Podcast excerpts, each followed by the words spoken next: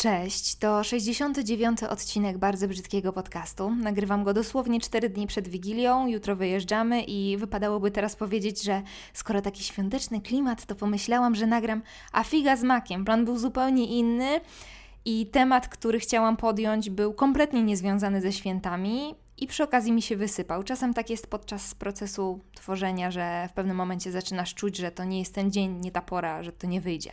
I tak wydarzyło się również tym razem. I zwykle w takich wypadkach, kiedy zostaję z ręką w nocniku, zwracam się o poradę do Was, do moich widzów na Instagramie. E, no i w tym wypadku również stanęliście na wysokości zadania i rozwiązaliście mój problem w zasadzie w mniej niż 5 minut. Tytuł dzisiejszego odcinka brzmi Wigilijny przetrwalnik. Super brzmi, tak by the way, ale znowu nie ja uzurpuję sobie prawo, bo to również pomysł jednej z moich widzek. I w pierwszym momencie pomyślałam, zajebiście. Temat świąteczny, ważna rzecz, święta trudny moment dla wielu osób, nagram, zrobię, będzie fajnie. A później napotkałam pewien problem polegający na tym, że ja nigdy nie miałam jakichś większych problemów przy świątecznym stole. I to nie jest tak, że moja rodzina jest kryształowa i że nigdy nic dziwnego przy stole nie padło, nic z tych rzeczy. Mam, mam tego całą kolekcję, ale jesteśmy ze sobą na tyle blisko, a ja wyhodowałam względem siebie taki dystans, że ani mnie ziębią, ani grzeją, wiecie, do gaduchy moich babci czy cioci, czyli tych bliskich osób, od których takie teksty i tekściki mogę usłyszeć. Z drugiej strony Mm, tak sobie gdybam teraz. Y, nie do końca wiem, czy to wynika z tego, że taka jestem mocarna i sobie wyćwiczyłam ten dystans, czy dlatego, że zwykle jestem ciągnięta za język w sprawach, które nie za specjalnie mnie dotykają w, danych, w danym momencie. Po prostu dany uszczypliwy tekst nie wstrzelił się w ten czas, kiedy może mnie dotknąć do żywego nie będę dochodzić do tego, jak jest naprawdę. I jak zaczęłam sobie analizować, o czym bym Wam dzisiaj powiedziała, jak ten temat ugryźć, to początkowo pomyślałam, że on też jest do kosza, dlatego że nie mogę mówić o rzeczach, o których nie mam zielonego pojęcia przy tym wigilijnym stole. A chwilę później przypomniałam sobie całe morze analogicznych sytuacji w innych okolicznościach przyrody, kiedy kuło w sercu przeogromnie od różnego rodzaju słów i zdań wycelowanych w moim kierunku. Jestem w końcu osobą wysoko wrażliwą, słowa bolą przepotwornie. I pomyślałam wtedy, jestem gotowa. To dobry temat. Porozmawiajmy. Będziemy poruszać kwestie rodzinne, kwestie bardzo intymnych relacji. To jest jedna z rzeczy, których zwykle staram się unikać. E, pytacie mnie często, jak poradzić sobie z mamą, babcią, tatą w tej czy w innej sytuacji. I nawet jeżeli coś staram się doradzić, to zaczynam od słów, że trudno mi to robić, bo nie znam waszej relacji. To jest bardzo, bardzo indywidualna rzecz, a jednocześnie z drugiej strony niesamowicie uniwersalna. Co roku na przykład są modne różnego rodzaju satyryczne rysunki związane z tematami poruszanymi przy świątecznym stole, niektóre bardziej, niektóre mniej gorzkie. Więc to nie jest wyabstrahowany przypadek jednej czy dwóch osób. Często musimy się mierzyć z ludźmi, których których tak naprawdę rzadko widujemy, albo którzy budzą w nas negatywne emocje, a wigilijny stół tylko zmniejsza dystans, który przez większość roku staramy się zachowywać. Zatem dzisiaj przygotowałam dla Was wigilijny przetrwalnik, ale znowu powtarzam, figę wiem. Figę wiem o Waszych emocjach, o Waszych relacjach, o tym, co przeżyliście. Mm, wiem natomiast, co czuję ja i do jakich wniosków doszłam z biegiem lat, jako wrażliwiec, jako osoba, która odbiera świat bardziej. Mam nadzieję, że pomogę, a jeśli nawet nie, to że po prostu spędzimy ze sobą kilka miłych minut. Zacznę może od tego, że wszystko, co dzisiaj powiem, rozbija się tak naprawdę o, o jedną myśl.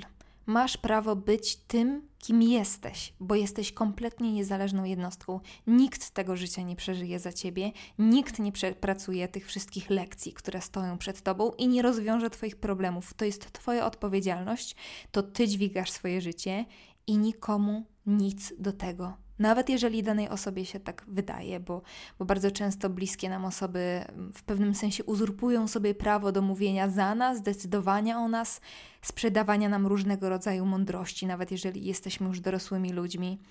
I moja mama powiedziała ostatnio mądrą rzecz: Dzieci nie są własnością rodziców, i wydaje mi się, że to zdanie dobrze puentuje ten wstęp. Jesteś zupełnie autonomiczną jednostką. W oparciu o różnego rodzaju wpisy, ale też zdania, które sama słyszałam niejednokrotnie pod własnym adresem, stworzyłam sobie taką listę uwag, które słyszymy siedząc na przykład w gronie rodzinnym, ale nie tylko.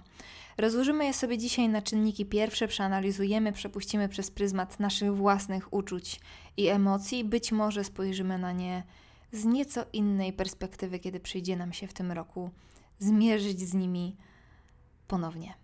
Pierwszą rzeczą, którą sobie wypisałam, to fraza super popularna, zresztą bohaterka wielu bardzo brzydkich rysunków. I brzmi ona: A masz tam jakiego kawalera, albo w twoim wieku ta już mężatką byłam, albo latka lecą, i tak dalej, i tak dalej. Słodko-gorzka, słodko-gorzki to temat, bo zwykle w pierwszym odruchu budzi uśmiech, a później człowiek zaczyna analizować sobie znaczenie tych zdań i przypominać sobie te momenty, kiedy zwyczajnie czuł się sam jak palec. To wywlekanie naszego singielstwa jest rzeczą znaną wszystkim, którzy kiedyś byli lub obecnie są sami, a wypadałoby już sobie kogoś znaleźć, prawda? Wypadałoby już się ochajtać i mieć święty spokój, tak jakby za mąż pójście, czy nawet w ogóle bycie w związku gwarantowało nam cokolwiek, jakby nas określało.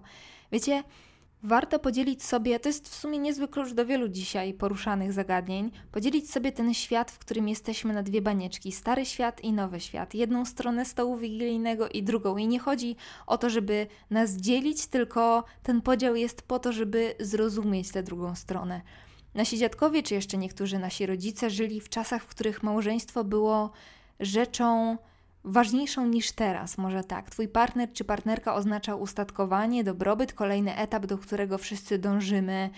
To jest banieczka starszego pokolenia. Najprawdopodobniej część z nas kompletnie jej nie czuje, bo, bo czasy się zmieniły. Mamy swoją banieczkę, gdzie Sami ustanawiamy nasz status społeczny, utrzymujemy się samodzielnie, możemy żyć tak jak chcemy i tak naprawdę małżeństwo jest oczywiście wspaniałą sprawą, ale nas nie określa, jesteśmy autonomicznymi jednostkami. Oczywiście cały czas pamiętam, że część z nas chce tej drugiej osoby, że czuje tę samotność, szczególnie w święta.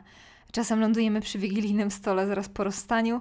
Śmieję się, bo zdarzyło mi się tak pewnej, pewnych świąt. I takie różnego rodzaju przytyki wtedy bolą w dwójnasób, ale pamiętajcie, że samotność, jeżeli nie jest oczywiście naszym wyborem, nie jest też stanem permanentnym. I to nie jest wyścig.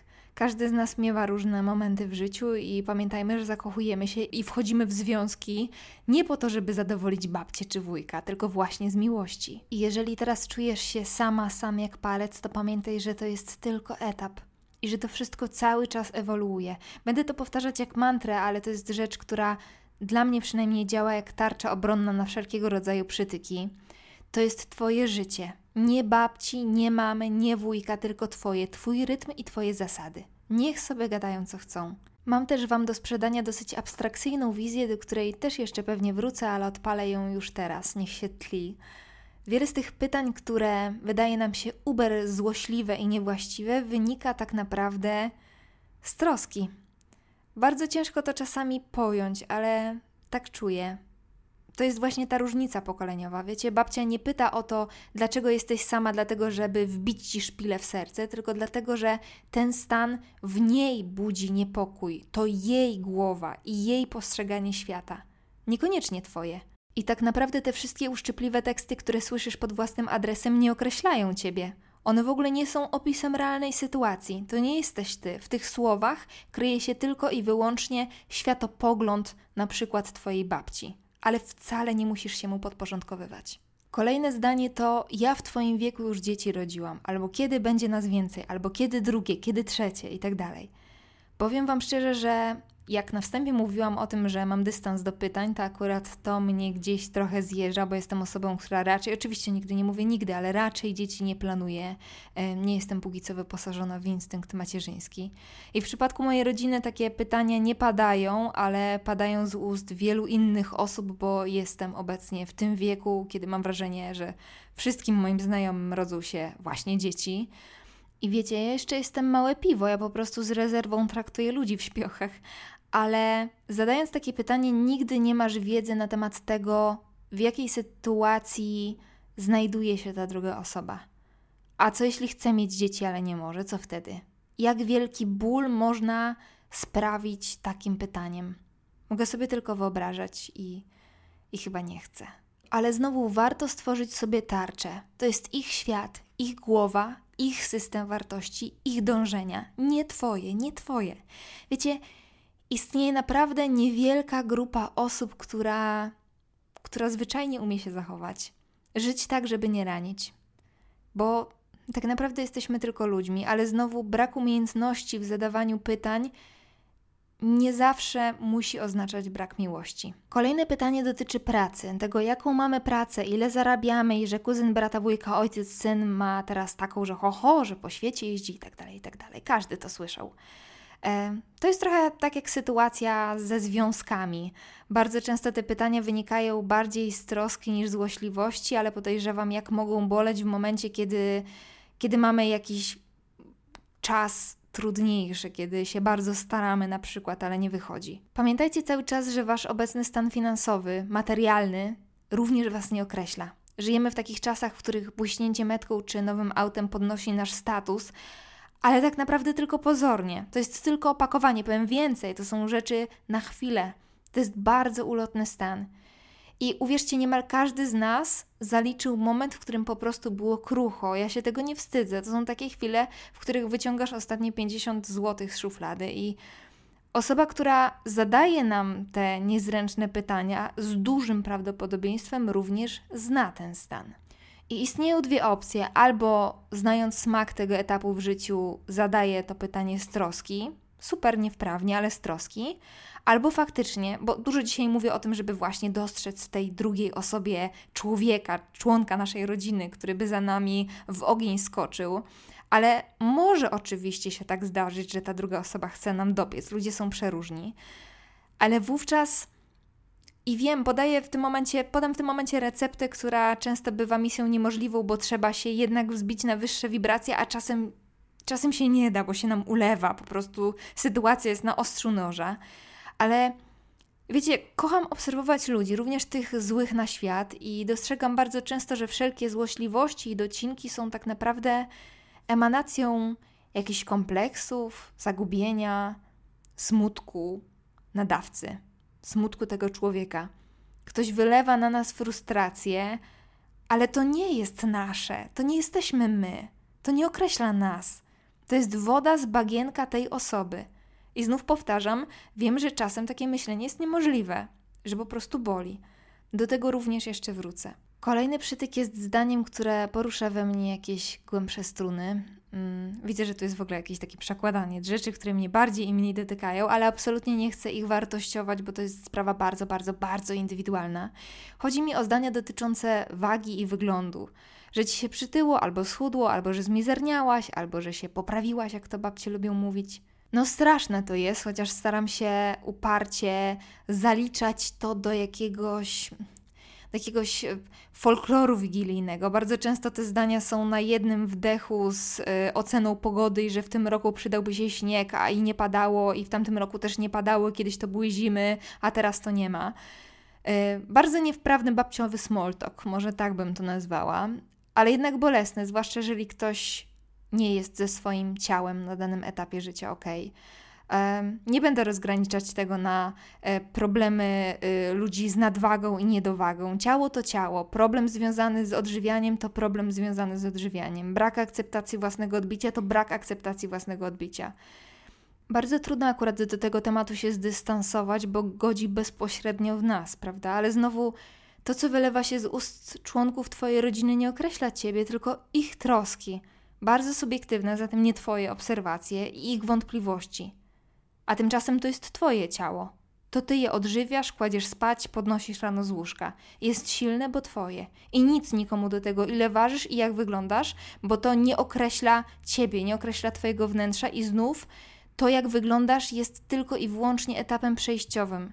Jeżeli masz jakikolwiek problem i nad nim pracujesz, to on wcześniej czy później minie. Powiem Wam szczerze, że to jest w ogóle temat na oddzielne słuchowisko, ale jeszcze nie umiem go rozpykać yy, tak, jakbym chciała. Zauważyliście zresztą, że nie mówię o jedzeniu prawie wcale yy, i ma to swoje powody.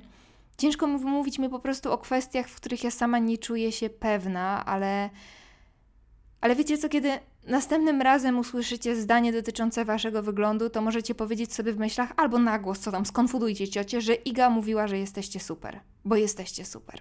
Jesteście mądrzy, piękni, wspaniali i silni. Kropka. Jest jeszcze ostatni punkcik na mojej liście, którego sama się trochę obawiam. Chodzi o wojny polityczno-religijne. Mm, przedziwny mamy czas, bo generalnie Polska nam się szczególnie ostatnio podzieliła i potwornie boli mnie serce, że przy wigilijnym stole ta podziałka również będzie odczuwalna. Starsze pokolenia kochają dyskutować i rozprawiać na tematy polityczne, tak jest w zasadzie od zawsze, a ostatnio te właśnie tematy dotykają nas bezpośrednio. Chyba stąd wynika mój lęk przed ewentualnymi konfliktami.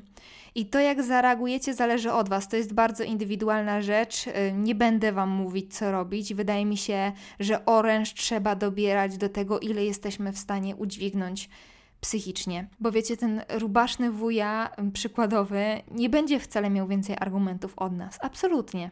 Ale swoimi przekonaniami będzie się dzielił z szerokim uśmiechem na twarzy i pełnym przekonaniem, nawet jeżeli dałoby się obalić jego tezy jednym zdaniem. Ale znowu mówiąc z perspektywy wrażliwca, któremu czasem słowa po prostu grzęzną w gardle, wiem, że czasem się nie da zareagować na czas. Czasem człowiek debilnie się uśmiecha, pomimo tego, że w głębi duszy chciałby komuś przywalić albo przynajmniej wykrzyczeć swoje racje. Warto nie mieć do siebie pretensji, że nie umiemy zareagować w danym momencie tak, jakbyśmy chcieli. Po prostu. Czasem się nie da. Czasem zaczynasz się bić ze sobą, a kiedy już chcesz przystąpić do akcji, jest za późno.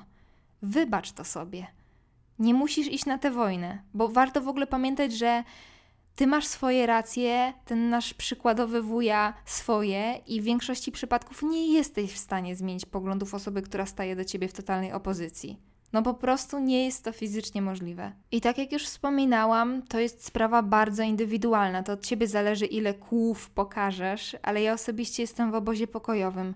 Bo wiecie, w całej tej często nic nie wnoszącej dyskusji to moje zdrowie psychiczne jest najważniejsze. Bo wiecie, najczęściej jest tak, że wujka taka rozmowa nie ruszy, a ty będziesz odchorowywać ją do końca wieczora. Przynajmniej ja tak mam. Konflikty absolutnie mnie zabijają, ale znowu rozumiem, że czasem milczeć się nie da, że czasami trzeba wyrazić swoją opinię na dany temat. E, I wydaje mi się, że cał, całkiem niezłą opcją jest wcześniejsze przygotowanie sobie argumentów. Brzmi być może dziwacznie, ale mi na przykład pomaga, kiedy jestem na 100 tysięcy procent pewna, że będę musiała z kimś dyskutować. To jest trochę jak z zapisywaniem sobie tego, co masz powiedzieć podczas, podczas ważnej rozmowy telefonicznej. Jest głupie, ale działa, więc wcale nie jest takie głupie w związku z tym. Możesz, możesz po, po prostu po te zdania, które sobie wypiszesz, które sobie zaplanujesz, sięgnąć w momencie, w których będziesz ich potrzebować i czuć się zwyczajnie pewniej. Uważam, że nie ma w tym nic złego. Jest też trzecia opcja, do tego obozu należy Marcin, czyli wchodzić w dyskusję na ostro, ale, ale to nie jestem ja. Konflikty mnie niszczą. Konflikty sprawiają, że czuję się struta i, i robię wszystko, żeby tych rękawic nie podejmować, ale jednak to, tak jak mówiłam, jest sprawa bardzo indywidualna, więc to od ciebie zależy, czy te przysłowiowe rękawice podejmiesz. Po prostu przy stole wigilijnym gra wydaje mi się niewarta świeczki. Są Twoje racje i ich racje. I nie dojdziecie do tego, która racja jest najważniejsza. Oczywiście idealną sytuacją byłaby kulturalna rozmowa, ale wiem, że to nie jest czasami możliwe, że czasami można się wzbijać na wyżyny dyplomacji, a i tak nic z tego nie wychodzi, zwłaszcza jeżeli na przykład do głosu dochodzi alkohol, który wciąż na stołach wigilijnych mimo wszystko się pojawia. Ja zwykle wybieram spokój jeszcze z innego powodu, bo można nie przepadać za ciocią, wujkiem, kuzynem, ale prawie zawsze przy stole jest przynajmniej ta jedna osoba, którą kochasz nad życie. I w momentach, które ciężko dźwignąć emocjonalnie, skupiam się właśnie na niej. To jest trochę tak jak wtedy, kiedy stoisz na scenie i bardzo stresujesz się dużą ilością osób. I wtedy skupiasz się na tej jednej, jedynej osobie i łatwiej ci mówić swoją kwestię. I to właśnie dla tej jednej, jedynej osoby zachowuję spokój. I teraz wygłoszę tezę ryzykowną, znowu pojawi się to moje tak zwane miłosierne pierdolenie. Jak wam nie siądzie, to po prostu olejcie. Będę to mówić przez pryzmat własnych przeżyć po prostu, z tego ostatniego roku, który wcale tak łatwy nie był. Um, pożegnałam najwspanialszego dziadka na świecie, Marcin pożegnał babcię i Wiecie, to utwierdza mnie w przekonaniu, że warto pielęgnować w sobie mimo wszystko poczucie wdzięczności za sam fakt, że przy tym stole wigilijnym zasiada się ze swoją rodziną. Rodziną, która oczywiście jest jaka jest, absolutnie nie jest idealna. Nie wiem, narzekająca ciotka, rubaszny wujek, wiecznie niezadowolony ojciec, roztrzęsiona mama, kuzynka, która pozjadała wszystkie rozumy. Rodzina jest piękna i uśmiechnięta tylko w reklamach, uwierzcie, ale to, co różni Twoją rodzinę od tej reklamowej, to fakt, że Twoja nie jest z castingu. Niestety ten stan, kiedy jesteśmy w komplecie, kiedy nawet w tym komplecie możemy się od czasu do czasu pokłócić, jest bardzo ulotny i przekonujesz się o tym wtedy, kiedy nagle kogoś zaczyna w tej układance, w tej układance, która cię rok w rok tak bardzo irytowała, zaczyna tego kogoś brakować. W tym roku ten uderzający brak poczuję ja, poczuje Marcin i pewnie również część z Was. I, I wiecie, w takich momentach nagle dochodzisz do wniosku, że te wszystkie wojny na noże przy wigilijnym stole były tak kompletnie nieistotne. Takie zupełnie nieistotne. Oh, życzę Wam znośnych świąt. Takiego wewnętrznego spokoju, bo ten spokój tak naprawdę jest w nas. Nawet jeżeli nad głową będą latały nam zastawy kuchenne, to tylko na chwilę.